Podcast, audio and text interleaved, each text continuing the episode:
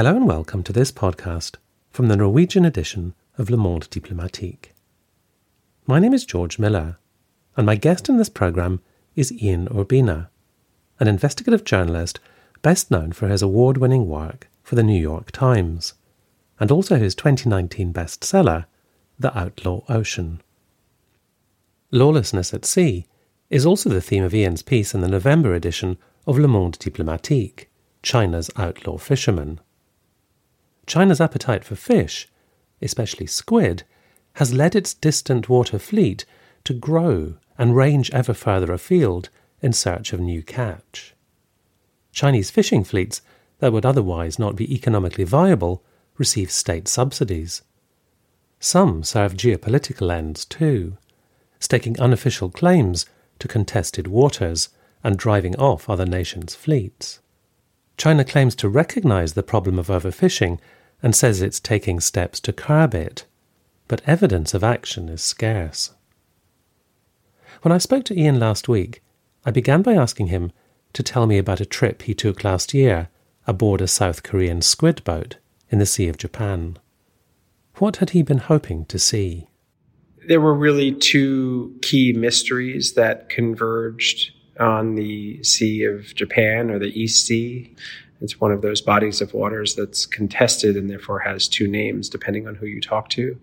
The first mystery was why were dozens um, per year and hundreds over the last five years of dead bodies washing up on the shore of Japan. These were dead bodies of typically starved uh, North Korean fishermen. There were inordinate numbers uh, crashing ashore, and no one was particularly sure why and the theory was um, that climate change and, and ocean depletion and overfishing had pushed these underprepared boats um, out further than they should go, and they were getting trapped at sea, running out of fuel, engine failure, storm emerges, what have you, and um, dying out there, and then the currents take them to Japan. That theory, while not wrong, was not the full story, and that was one mystery trying to explain the fuller story. And then the second mystery was equally vexing, and it was why it is the squid stock within those waters seeing this unprecedented decline. You know, fish around the world are unsustainably disappearing, but the squid stock in these waters had fallen to the tune of 70, 80% in the past decade. And that shocked, you know, scientists, um, seemed unreasonably fast. Again, the theory was climate change and, and had pushed the stock to other places and also declined their numbers and but it was a murky theory at best. So there seemed to be a potential answer or explanation to the two mysteries which was anecdotally told as in sort of eyeball testimony from South Korean and Japanese fishermen that um, there were large numbers of illegal Chinese industrial boats entering North Korean waters. And it was the presence of these boats that was causing all sorts of problems. I'll return to that in a second. But that was um, anecdotal. And so what I had wanted to do with that story was figure out could we pin that that theory down and um, how many Chinese boats? What were they doing there? Were they legal? And that's why we um, began working on that investigation. And really, your investigation bore that out, didn't it? Because you did encounter large numbers of Chinese vessels, and they were seeking to make themselves undetectable and behaving really quite aggressively. That's quite right. Yeah. I mean, number one, the investigation was able to, put a number on the size of this scofflaw fleet, this illegal flotilla. And that number was shocking. It was, you know, said to be the largest discovery of an illegal fleet ever. And we were looking at 900 to 1,000 Chinese industrial squid boats that were routinely fishing in North Korean waters. Now, this wouldn't typically be illegal because China has had relations with North Korea and signed fishing agreements with them. But in 2017, in response to the nuclear weapons testing, the UN Security Council, China included, unanimously signed an order sanctions on North Korea. And quite explicitly within those sanctions was a prohibition on any form of foreign fishing in North Korean waters, um, so as to sort of attempt to constrain revenue to North Korea and disincentivize their nuclear program. And so for a thousand, you know, annual or 900, 800 annually, um, Chinese vessels to be going into North Korean waters and fishing, number one, now China couldn't say this was a few bad apples. This was close to a, a third or a quarter of their entire distant water fleet. Number two, we had data um, quite clearly showing what had previously been invisible. But like you said, the vessels, the Chinese vessels turned off their transponders or locational transponders so as to be undetectable. But through some really savvy work by a team of international academics and an organization called Global Fishing Watch, there were alternate satellites that could be used in a creative way to lay eyes on these vessels. And these are not, and this is critical, I guess, these are not vessels which happen to be there just because they've got particularly adventurous scofflaw captains, you know, as you said. They're there because the Chinese state is subsidizing their activities, and that's that's what contribute, contributes to it being done on such a large scale.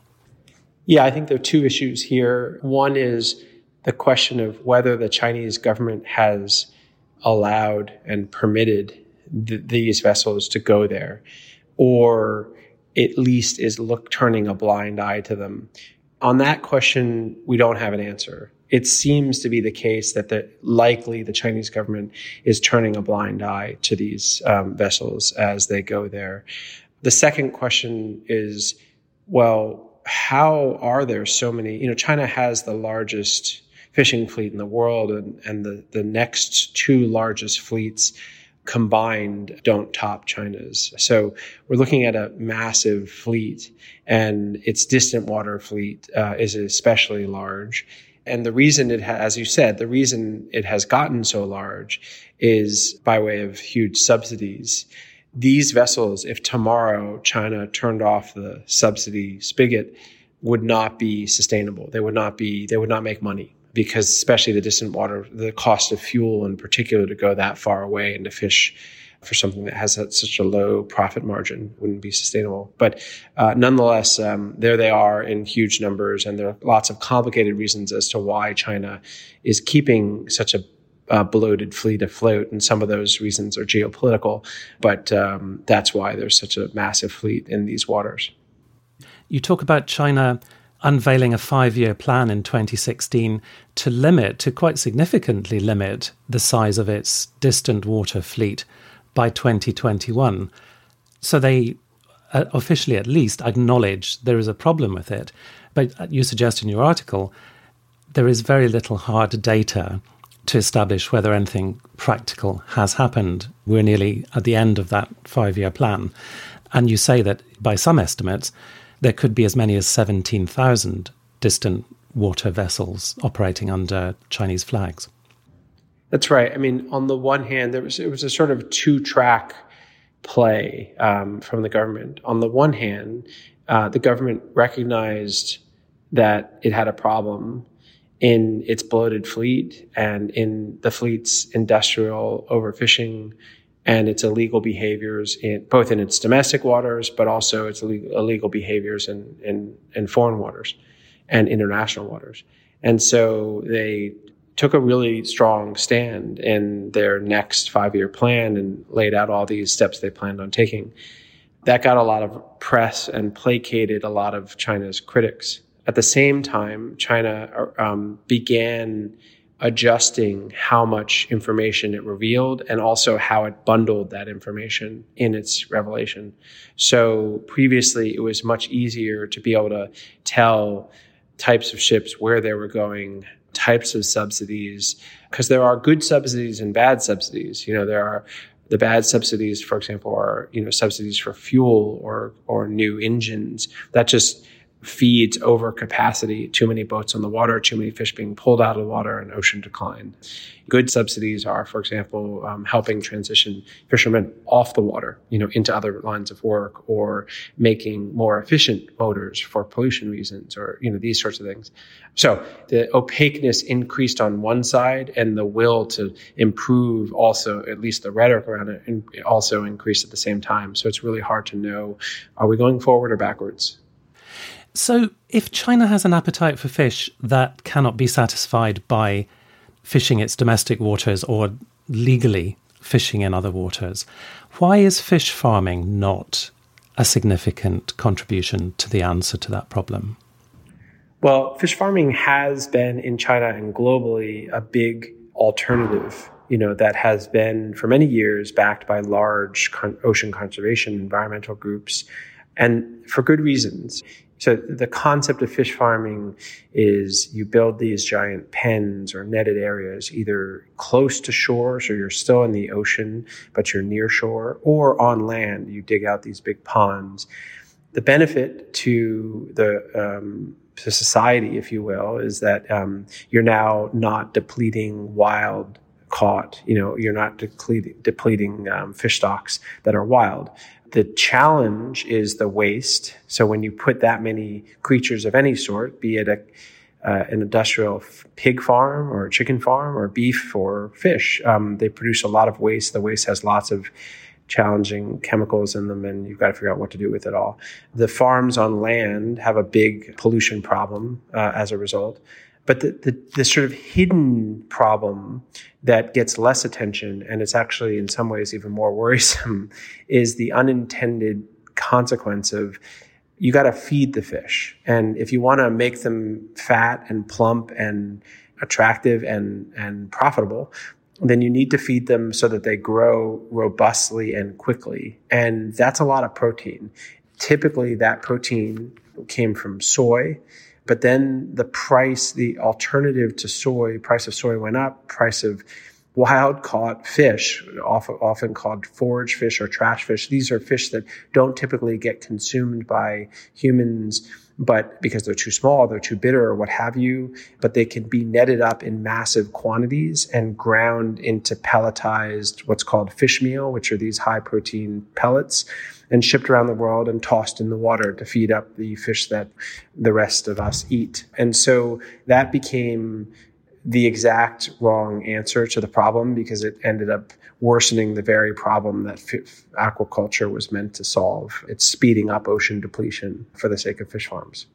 So I guess there's an, an analogy with beef farming where the energy required to produce a kilogram of, of beef is massively higher than all sorts of other ways of um, food production that would give the same nutritional value. Right.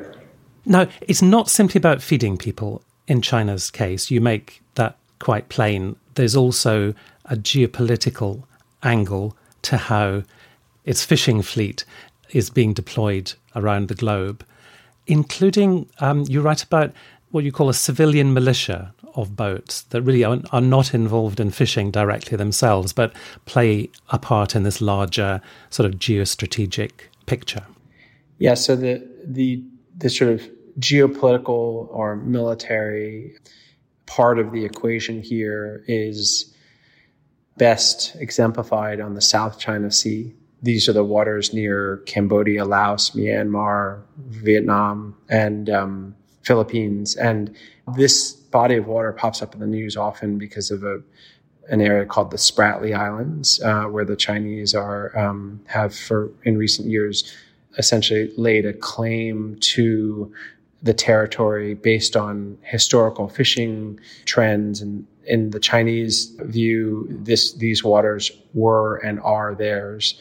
Most international bodies uh, find that claim baseless and have ruled as such, but the Chinese have nonetheless um, created man-made islands there and have landing strips and military installments and, and the like.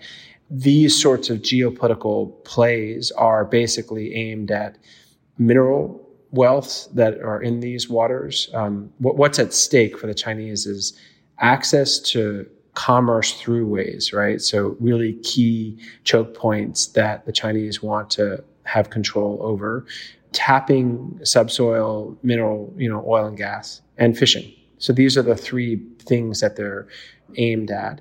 And, you know, military, you know, spots where they can store assets that would allow rapid response, you know, like the US does in Turkey, you know. Um, and so for, for those four main motivations, the Chinese has these vessels all over the world. And in the South China Sea, you've got hundreds upon hundreds of them that are ostensibly fishing boats, but they don't fish. They just stay there.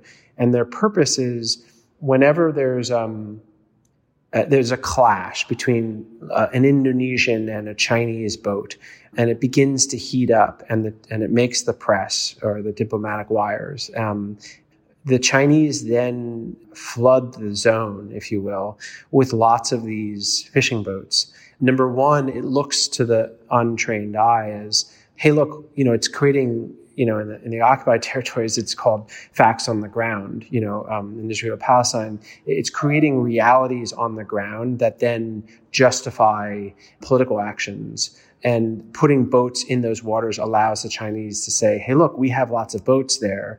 But it also intimidates competitors because these boats ram and do other things.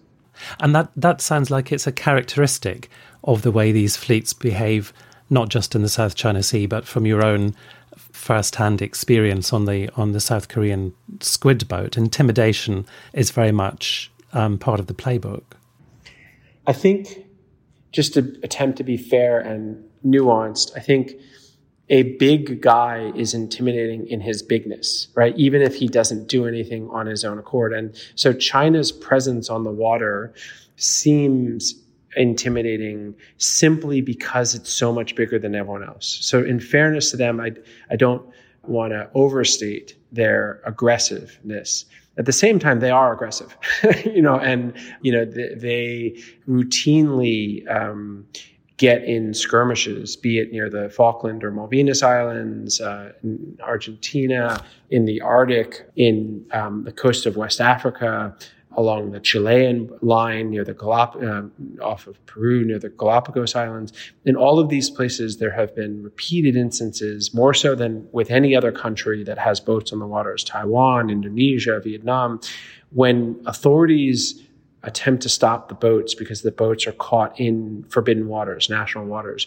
The boats don't stop, they run. And they dare anyone to, to stop them.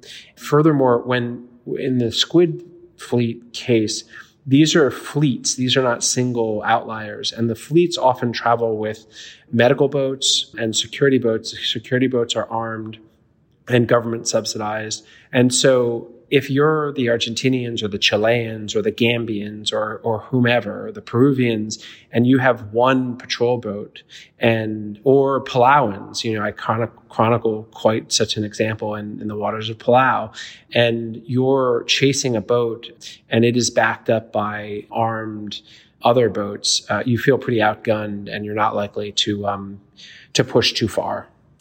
So, Ian, maybe in conclusion, I can ask you what would you say to someone like me who maybe goes along to the supermarket and buys fish and sees that it's got a, a label that says it was caught from sustainable stocks and, and perhaps thinks, okay, this, this, this problem is being addressed, and my conscience is clear when I when I buy some fish. I mean, do, do you think a wake up call is is required for for people like me?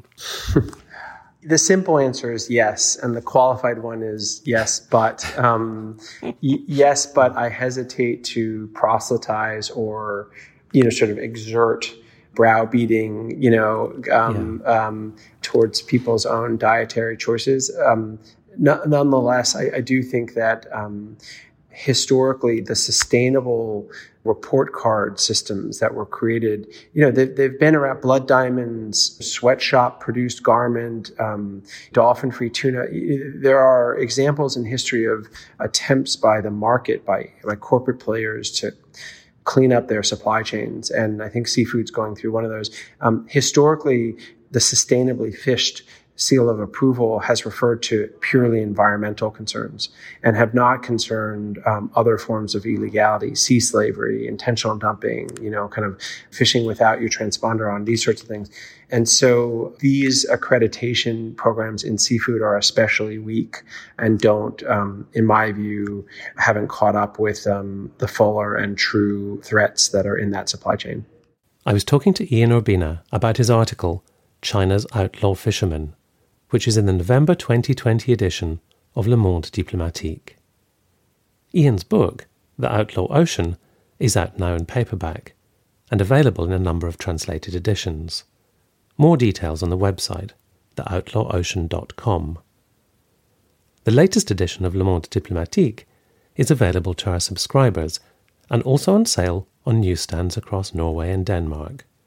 Subscribers can also access it and the complete archive of the paper online at www.lmd.no.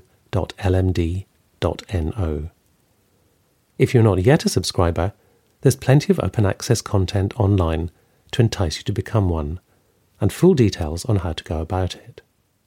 In the words of the late John Berger, why read LMD?